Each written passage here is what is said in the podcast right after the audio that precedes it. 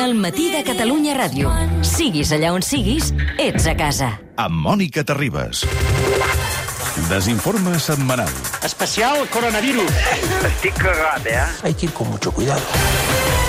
I ara sí, ha arribat el moment de somriure i de posar de cap per avall tot allò que us hem intentat explicar amb aquest rigor que ens caracteritza, perquè l'Adrià Quatrecases i en Sergi Vives no tenen pietat. Molt bon dia a tots dos. Bon dia. Molt bon dia. Ens agrada retocar-ho tot una mica. Ja, ja, ja. I coses per retocar te'n diria unes quantes, eh? Uh, no te les acabaries. A nosaltres l'actualitat de la setmana no ens ha acabat de convèncer, així que ens hem dedicat a crear-ne una d'alternativa. A l'única terra on hi ha fases de desescalada amb decimals no li vindrà d'una mica més de confusió amb la nostra darrera investigació. Tres regions catalanes han fet de conillet d'Índies de la fase 1. Allí es pensaven que eren unes regions privilegiades quan només eren un experiment. Aquests eh, cinc dies han servit per observar quin és el comportament d'aquells abrencs, tarragonins, pirinencs i aranesos que queden per prendre alguna cosa a una terrasseta. Prendre nota de quins efectes secundaris els provoca i detectar tots els danys derivats. Ara que per allà baix i allà dalt ja han fet les provatures, els de més podrem aplicar les mesures que ens salvin el cul als de Barcelona quan anem a fer un cafetó. Tot seguit, les conclusions d'aquest estudi secret, una maniobra fosca del centralisme pixapí, un estudi dirigit a l'ombra per Oriol Mitjà, Ah. Antoni Trilla i Tortell Poltrona. Per amor de Déu. Una operació d'estat, bé, de- d'estat, això autonòmic nostre, Això, això, operació exacte. batejada amb el nom clau d'Operació Ah. Extraradi. Ai, Déu meu. Operación Extrarradio. A veure, El virus este que hay, Ay, este virus, cuidado. em feu més que una pedregada. Quina informació ens descobriu ara? Que només 5 dies han fet falta només per detectar les primeres evidències que les cerveses eh, preses en desescalada pugen més. L'estudi revela que en fase 1 els dos globs ja vas piripi. La recomanació que es farà a la població catalana un cop tota ella pugui sortir a fer una birra amb els amics és que es demanin un suc o una Moritz, que si fa o no fa. Si, malgrat aquest consell sanitari, algú s'arrisca a prendre un quinto, s'haurà d'estar 3 dies en quarantena en una cambra d'aïllament sense contacte amb el món exterior davant el risc que la borratxera el pogués dur a fer alguna imprudència, com ara conduir maquinària pesada o registrar-se al Consell per la República. La clau de tota aquesta pel·lícula és... S'ha detectat algun altre efecte secundari? La resposta és sí.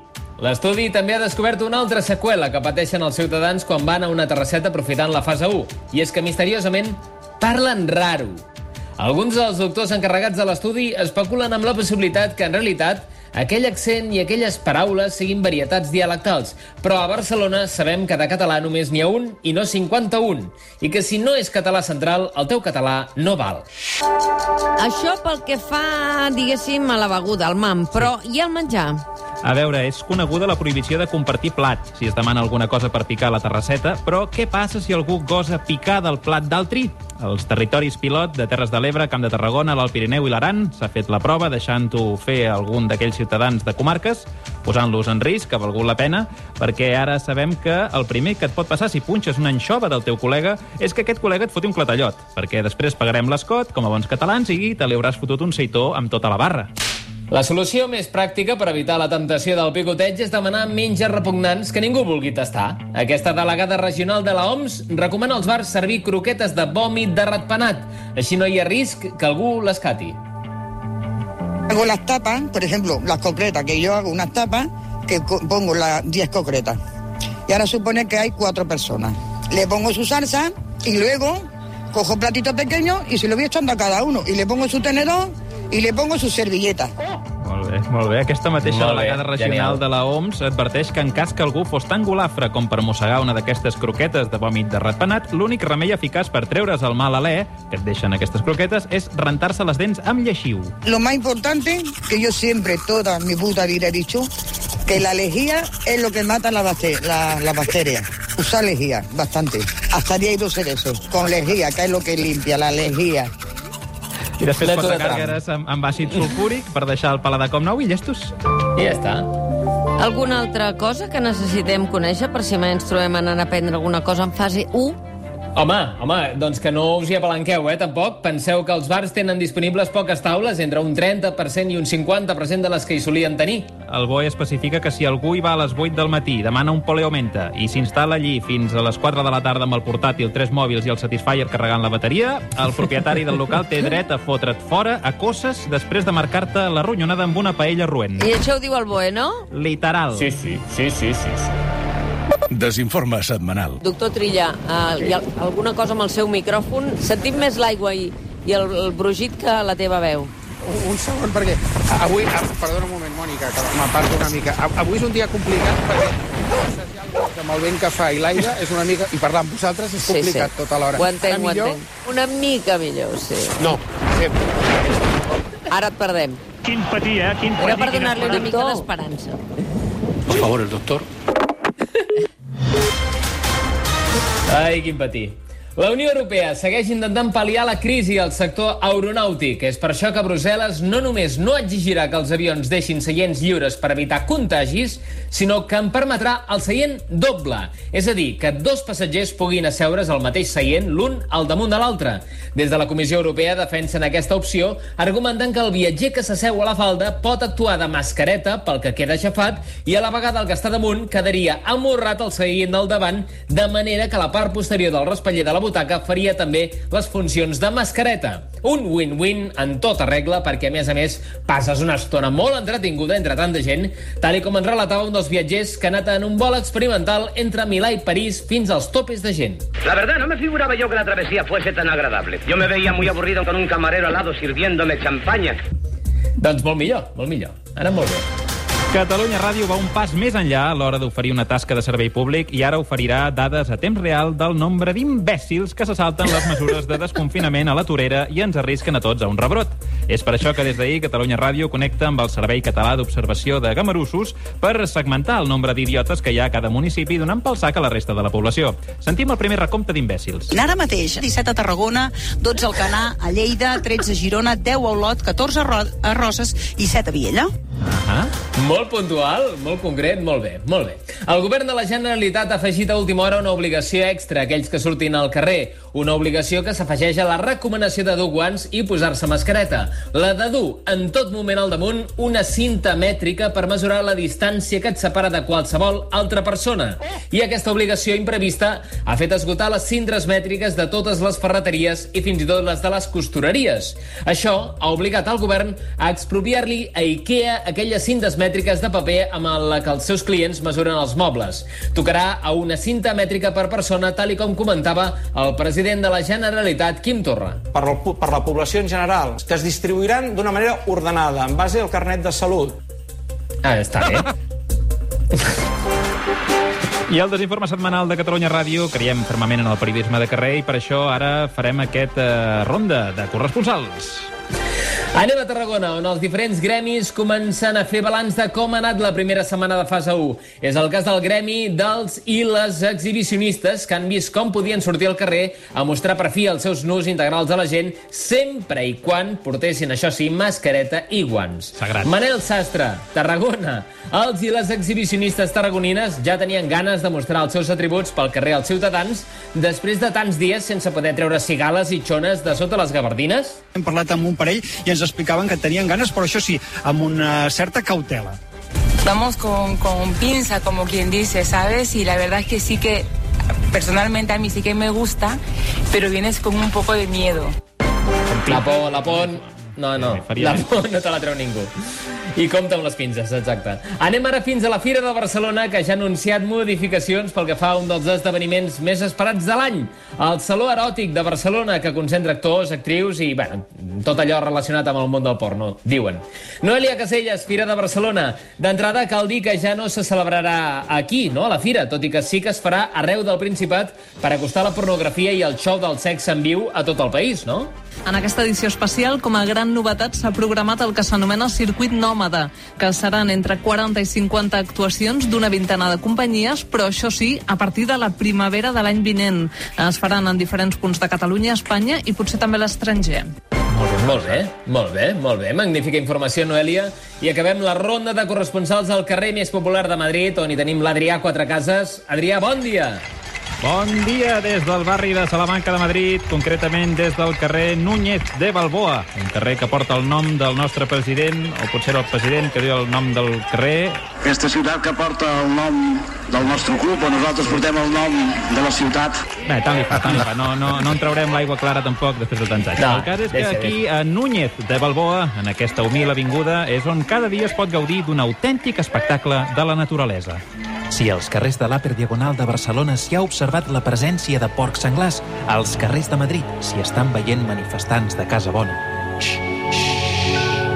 Enmig del silenciós asfalt, quan el sol es pon i el servei els ha acabat de servir el segon berenar, un extraordinari grupet d'éssers vius es deixen veure a peu de vorera, en un hàbitat que no és el seu.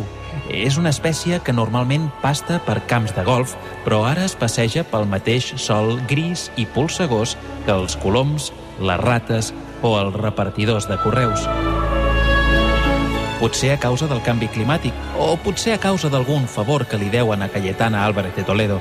Però sigui com sigui, cada vespre, un petit però sorollós ramat estarrufa els seus topers i fa sonar un acompassat copleig. Molts biòlegs fascinats el retraten d'amagat per no espantar-los i poder gaudir de la naturalesa en la seva màxima esplendor. Les femelles alçant el puny amb una facilitat inconcebible per uns canells tan carregats de joieria i els mascles grallant sense que el seu bigotet els ho impedeixi. Els madrilenys, que són tancats a casa, s'acosten sovint a la finestra. Podrien estar de sort i veure'n algun espècimen. El reconeixerien perquè en aquesta època d'entretemps duen sempre armilla blau marí. Un plomatge que ni abriga ni refresca, però que els serveix per identificar-se entre els de la mateixa espècie. L'expectació és notable, perquè no passa sovint que els humans de classe mitja o baixa es creuin amb aquestes bestioles. Bestioles que reclamen la llibertat per anar a casa Lucio, que se'ls ha usurpat. Els cadallets més joves exigeixen el seu dret a dedicar mig diumenge a netejar l'Audi Cussing que els va regalar el papa el dia de la confirmació. I els més veterans exigeixen recuperar el seu costum d'anar a fer un mosto als jardinets del Valle de los Caídos. És innegable, és innegable que la naturalesa recupera el seu espai. Fins i tot comença a conquerir espais que tenia rellogats. Adrià Quatrecases, Catalunya Ràdio, carrer Núñez de Balboa. Gràcies, Desinforme setmanal. Doctor. Què està fent amb el micròfon, doctor Trilla? No el sentim ara. No? Ara no. Com si fregués amb, amb, el, amb la jaqueta No, o... Ara sí, ara sí. Insisteix en dir... Oh! Doctor, que el perdem. Por favor, el doctor. Hem perdut el doctor Trilla i... Ups. Se'ns ha acabat el doctor Trilla. Va, va més deixem, deixem-ho córrer. Va, teco tot això, no fem per res. Quan el, quan el Cesc Bertran va ser al final d'aquesta crisi el compilat dels millors moments eh, d'incomunicació entre ell i el doctor Trilla, bueno, això serà un festival. Això se El solventaria que està clar- cada dia. Sí, sí, el que està clar és que no te l'acabes, el trilla, eh? No te l'acabes. Home, L'estudi! i a l'estudi distància de... menys... Va, L'estudi de seroprevalença presentat pel Ministeri de Sanitat va constatar que només un 5% dels espanyols han tingut un contacte amb el coronavirus. És per això que molts pobles d'arreu de l'Estat ja s'estan preparant per la rebuda del virus a la tardor. Alguns fins i tot han començat a preparar pancartes, s'han vestit amb les millors gales i li han dedicat una cançó. Mira, sentim-la. No llega del extranjero para nuestro vino. Y con tanto carnet de basado en pelo Villa del Río.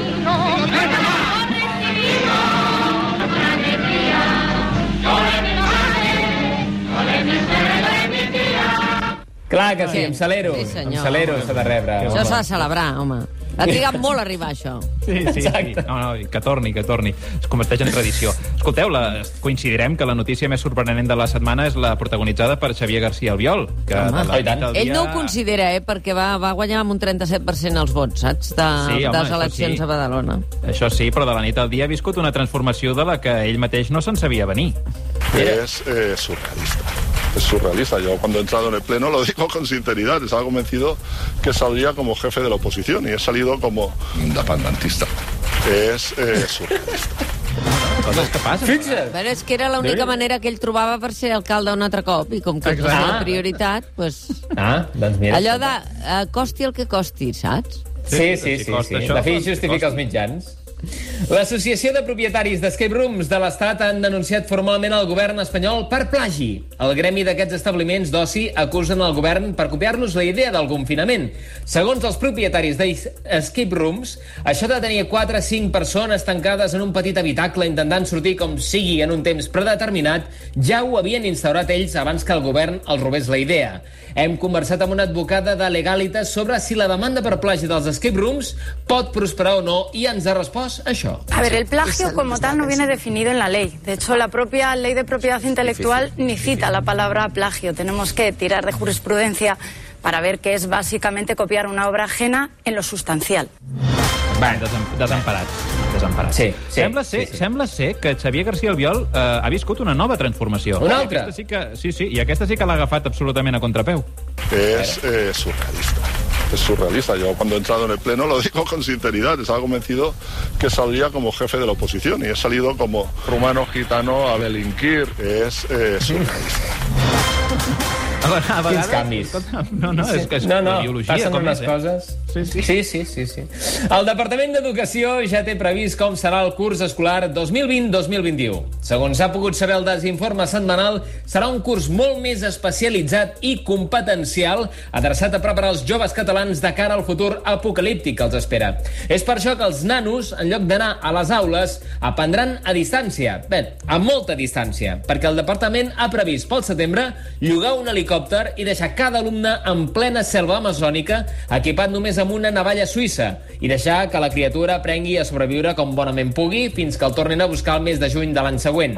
El conseller Josep Bargalló explica que ja s'ha fet la prova pilot amb uns alumnes d'un institut de la Seu d'Urgell a qui se'ls va deixar la setmana passada a unes muntanyes del Vietnam. Hi havia les condicions per començar a fer-ho mm, ja, sense, per exemple, cap inversió en infraestructura, però aquesta és una voluntat d'estendre-ho arreu del país. Està molt, molt ben pensat. Surt- Sí, surt baratet.